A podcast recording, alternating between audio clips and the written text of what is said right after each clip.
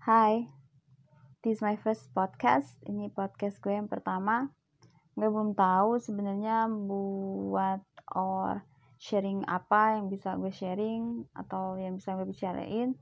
But I think I kinda like um, talking about daily tentang sehari-hari mungkin or feeling or oh yes I like writing poems, poetry.